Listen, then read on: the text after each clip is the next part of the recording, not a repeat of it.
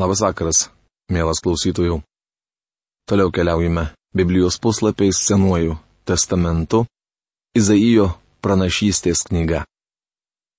Šiandien pradėsime 39 skyriaus apžvalgą. Tema - Ezekijas ir Babilono karalius. Paprašykime Dievo palaiminimo šiam laikui. Tėve, mes dėkojame tau, kad tokie kokie esame, galime būti tavo akivaizdoje ir tu mus priėmi.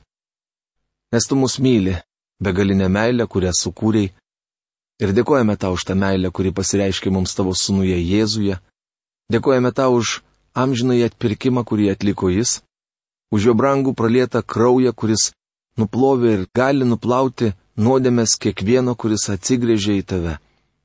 Padėk mums, dangaus Dieve, suvokti tai.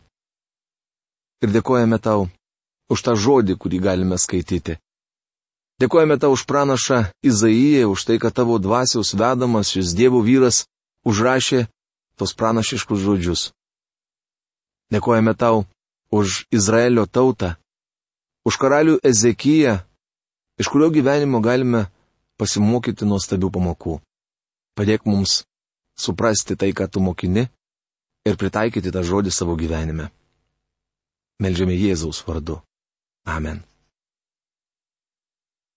Šiame Izaijo knygos skyriuje kalbama apie kitą judo priešą - Babiloną.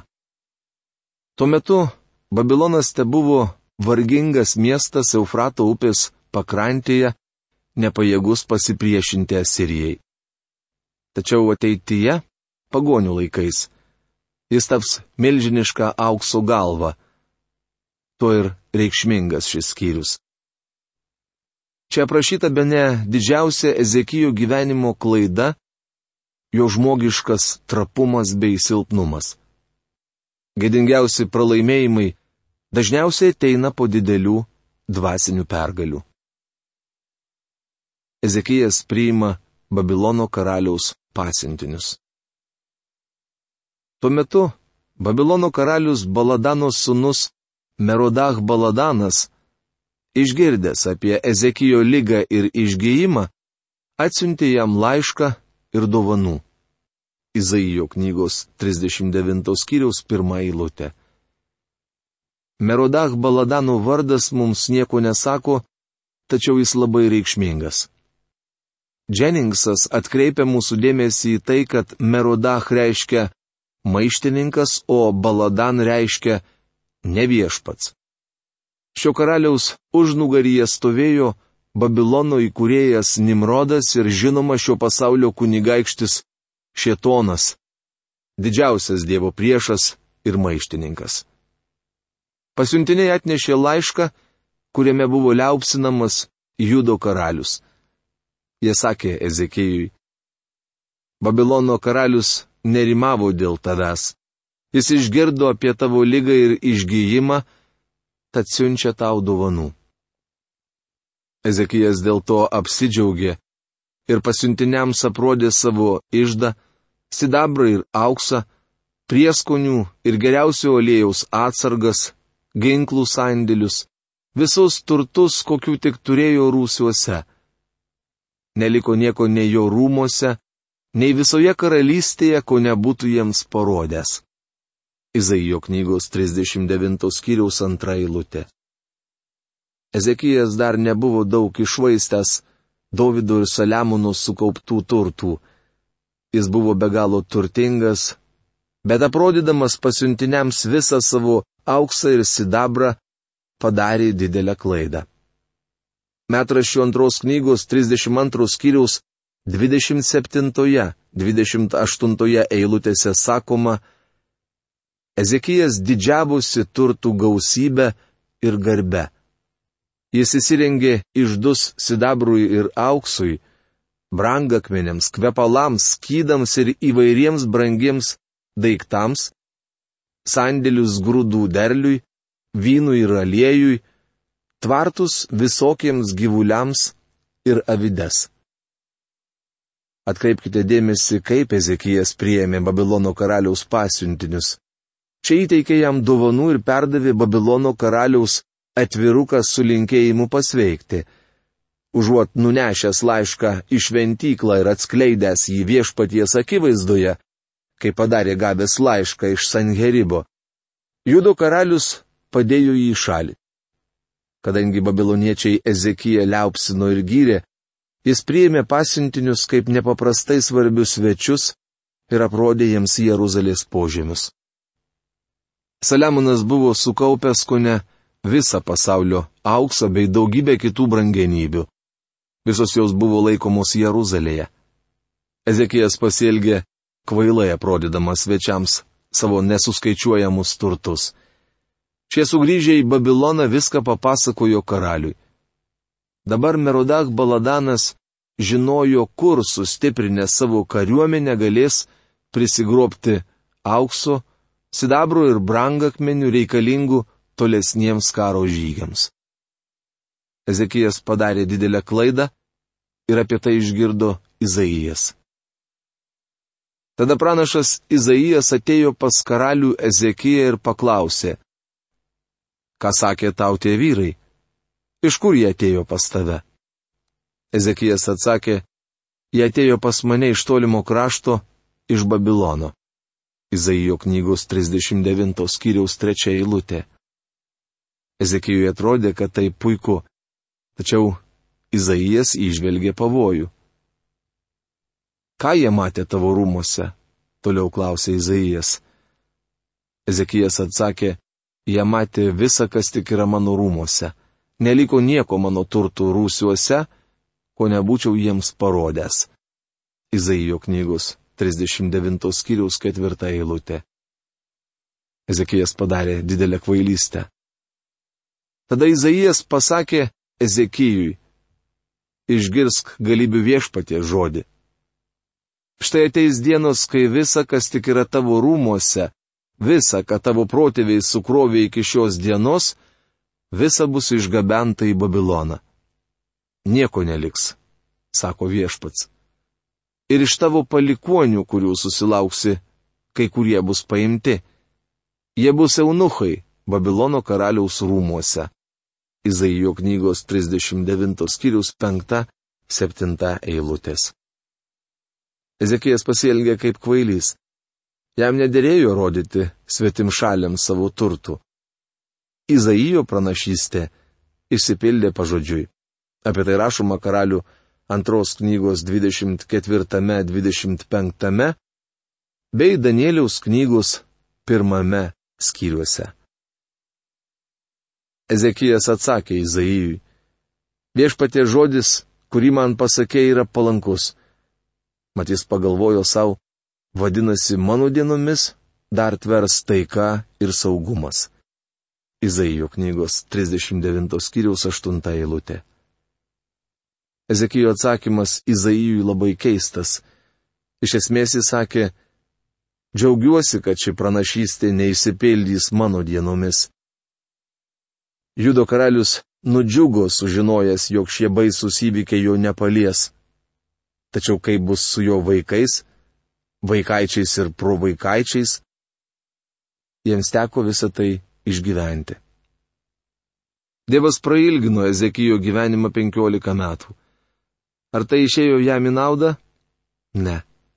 Judo karalius padarė didelę klaidą. Per tą laikotarpį vyko trys siaubingi dalykai. Šios skyriumi baigiama istorinė Izaijo knygos dalis. Izaijo knygos 40 skyrius.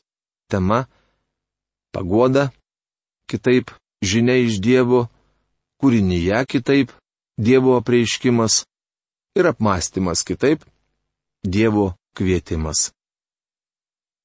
40 skyriumi pradedama paskutinė didelė Izaijo knygos dalis. Ji labai skiriasi nuo pirmosios dalies. Pirmoje Izaijo knygos dalyje mums apreikštas galybių dievas, o paskutinėje - gelbėtojas, ateisantis kentėti. Šeštame skyriuje minimas vainikas, 53 - kryžius. Pirmoje dalyje kalbama apie dievų valdžią, o šioje apie jo malonę. Žodis paguoskite, kuriuo prasideda ši dalis, puikiai apibūdina jos nuotaiką. Čia kalbama apie Dievo paguodą, o ne apie teismą, kaip pirmoje knygos dalyje. Radikalus temos pasikeitimas paskatino liberalius kritikus prasimanyti vadinamąją Deutero Izaijo hipotezę. Kadangi pirmoje ir šioje knygos dalyje kalbama apie visiškai skirtingus dalykus, jie nusprendė, kad šias dvi dalis greičiausiai parašė du skirtingi autoriai - du Izaijai. Jei keičiasi tema, dar nereiškia, kad pasikeitė autorius. Žinia pasikeitė, bet šauklys tas pats. Vienas autorius gali rašyti visiškai skirtingomis temomis. Pavyzdžiui, Vernonas Magyra parašęs knygelės apie antrą psalmę, kurioje kalbama apie Dievo teismą, ir apie 22 psalmę, kurioje Dievas šlovinamas už išgelbėjimą. Nors šių knygelių temos visiškai skirtingos, bet autorius tas pats.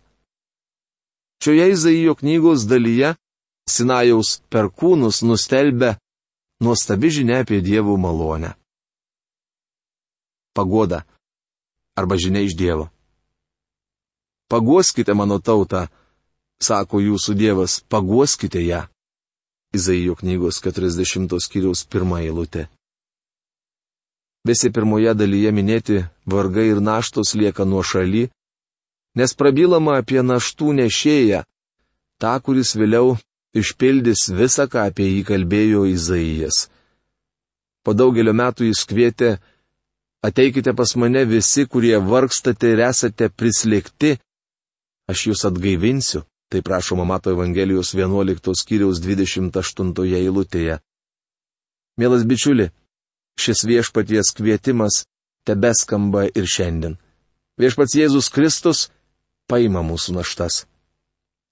Profesorius Algirdas Jurienas šią eilutę pradeda žodžiais Guoskite, guoskite tai ilgesio žodžiai kylantis iš pulsuojančios Dievo širdies.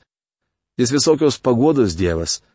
Šitaip jį apibūdina apaštalas Paulius antro laiško korintiečiams pirmos kiriaus trečioje ketvirtoje eilutėse. Te būna pašlovintas Dievas, mūsų viešpatės Jėzaus Kristaus tėvas, gailestingumo tėvas ir visokios pagodos Dievas, kuris godžia mus kiekviename sielvarte, kad ir mes, galėtume paguosti bet kokios sielvarto ištiktuosius tą paguodą, kurią gauname iš Dievo. Šventoji dvasia vadinama globėjų arba guodėjų. Evangelijos pagal Joną 14 skyriaus 16 eilutėje užrašyti viešpatės Jėzaus žodžiai. Aš paprašysiu tėvą ir jis duos jums kitą globėją, kuris liktų su jumis per amžius. Šiandien šventoji dvasia yra mūsų globėjas. Prabilkite į širdį Jeruzalę ir šaukite jai, kad jos lažas baigėsi, kad jos kaltė išpirkta, nes ji dvigubai atsijėmė iš viešpaties rankų už visas savo nuodėmes. Izaijo knygos 40 skyriaus antra eilutė. Kai kuri nors izraelitų šeima įkeisdavo savo namus, tai būdavo užfiksuojama teisinėme dokumente. Viena šio rašto kopija būdavo prismeigiama prie durų staktos, kad visi kaimynai ir draugai žinotų, jog namas įkeistas. Antroji kopija atitekdavo tam, kuris priimdavo užstatą. Kai namus įkeitęs žmogus gražindavo skolą, antroji dokumento kopija būdavo prismeigiama ant pirmosios, kad visi žinotų, jog skola gražinta.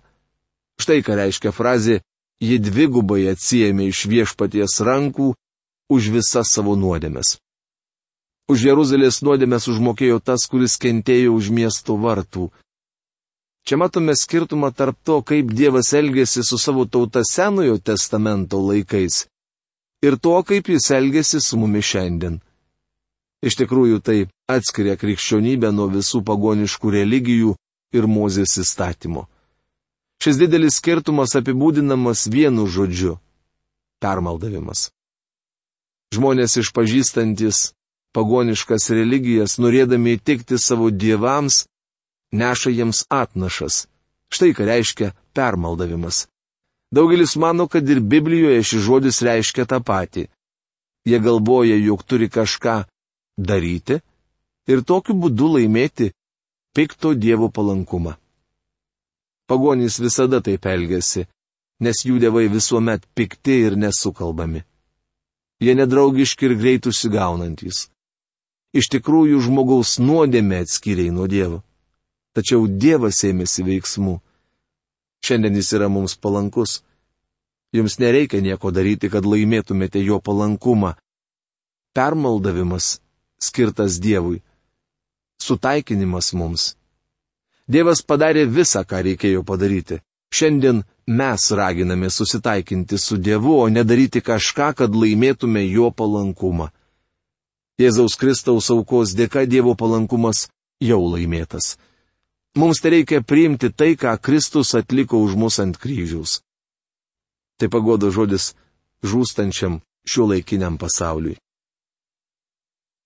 Pasigirsta balsas. Per dykumą tieskite viešpačiui kelią, tyruose ištiesinkite mūsų dievų į vieškelį. Izaijo knygos 40 skyriaus 3 eilutė.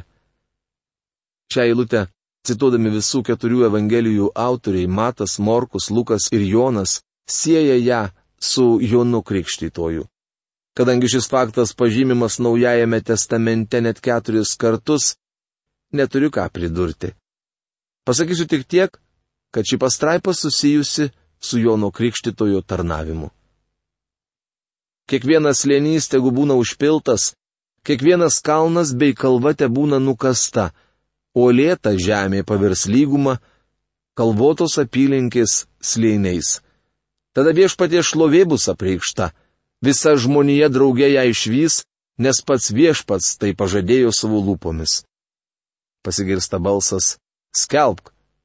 Atsakau, o ką man skelbti? Visa žmonija kaip žolė, jos gražumas kaip plaukų gėlės. Izaijo knygos 40 skyriaus 4-6 eilutės. Kaip jau minėjau, Lukas cituoja šios žodžius kalbėdamas apie Joną Krikštytoje. Žolė nudžiūsta, gėlė nuvysta, kai tik viešpats pasiunčia joms vėją. Tikrai žmonės, tik žolė. Žolė nudžiūsta, gėlė nuvysta, bet Dievo žodis tveria amžinai. Izaijo knygos 40 skyriaus 7-8 eilutės. Žmogus prilyginamas laukų žoliai. Kila klausimas, kaip mus gali paguosti priminimas, jog mes panašus į žolyną. Štai Kalifornijoje, nulyjus pavasario lietui, žolė sužaliuoja, tačiau po kelių saulėtų savaičių ji išdega, ima vysti ir nudžiūsta toks pat yra ir žmogus. Pasakysite, anokia čia pagoda. Dar kokia. Žmogus trapus, gležnas ir silpnas. Bet Dievo žodis stiprus, tvirtas ir patikimas. Dievo žodis yra mūsų užuovėje, pamatas, ant kurio galime ilsėtis. Tai mūsų kalavijas ir skydas, apsauga, tvirtovė ir išgelbėjimas. Pirmo Petro laiško pirmos kiriaus 23 25 eilutėse skaitome, Jūs esate atgimę ne iš pranykstančios, bet iš nenykstančios sėklos, gyvų ir pasiliekančių Dievo žodžiu. Mat kiekvienas kūnas tartum žolynas ir visa jo garbė tarsi žolino žiedas. Žolynas sudžiūsta ir žiedas nubyra. Tik viešpaties žodis išlieka per amžius. Toks yra žodis, paskelbtas jums kaip geroji naujiena. Tik Evangelija gali suteikti amžinai gyvenimą žmogui, trumpam pasirodžiusiam šioje žemėje. Toliau girdime nuostabę žinę. Užlip ant aukšto kalno, džiugiosios žinios kelbėjau Sionę, galingai pakelk savo balsą, gerosios naujienos skelbėja Jeruzalę. Skelbk, nebijok, sakyk judo miestams, štai jūsų Dievas. Izaijo knygos 40 skyriaus 9 eilutė. Geroji Jono Krikštitojo naujiena buvo štai jūsų Dievas. Jei dar neišvydote Jėzaus Kristaus, kaip kūne apsireiškusio Dievo nematėte jo iš viso. Turite ateiti pas jį suprasdami, jog jis ne tik žmogus, bet ir Dievas. Emanuelis tai yra Dievas su mumis. Jei Kristus tik žmogus, jis negali būti gelbėtojas, tačiau jis Emanuelis ir mano gelbėtojas. Ir tai nuostabu. Štai viešpats Dievas ateina su galybė, jo ranka valdinga, atlygį jis turi su savimi, o algą moka į priekį. Izaijo knygos 40 skyriaus 10 eilutė.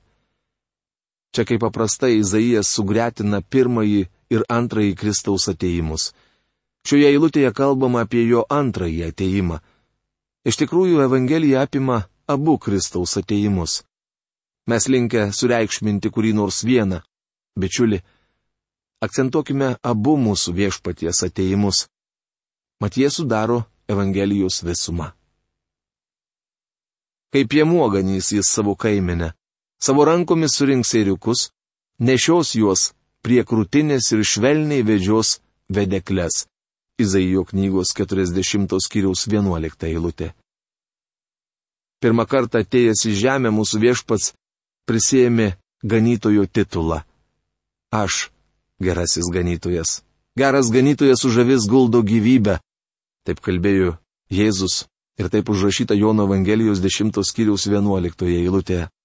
Jis dar sakė, už avis aš guldau savo gyvybę tos pačios Jono Evangelijos 10 skyriaus 15 eilutė. Mielas klausytojau, ar jūs esate jo kaiminės avis? Jeigu jūs esate, tai būkite užtikrintas, kad jisai už jūs padėjo gyvybę ir tai, kai jisai paėmė į savo ranką, tame pačiame skyriuje rašo, kad niekas nepajėgus jo išplėšti iš jo rankos.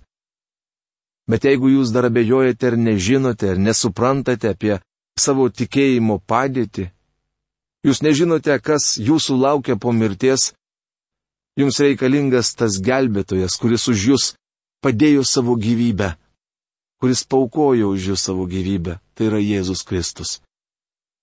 Mielas klausytojau, jums telieka susijungti su kurėju ir leisti jo žodžiui ateiti ir įsiviešpatauti jūsų širdyje. Mąstykite apie tai. Pakreipkite savo mintis tinkamą linkme. Filipiečiams laiške ketvirtame skyriuje aštuntoje eilutėje rašoma, kad mes mąstytume apie tai, kas tinkama, girtina, mylėtina. Mums reikia pasikeisti savo proto dvasioje. Mums reikia nukreipti savo žvilgsnį į šventą įraštą. Tik iš ten ateina Visa mums reikalinga išmintis ir pagoda. Bet tai jūsų sprendimas. Iki greito sustikimo. Sudė.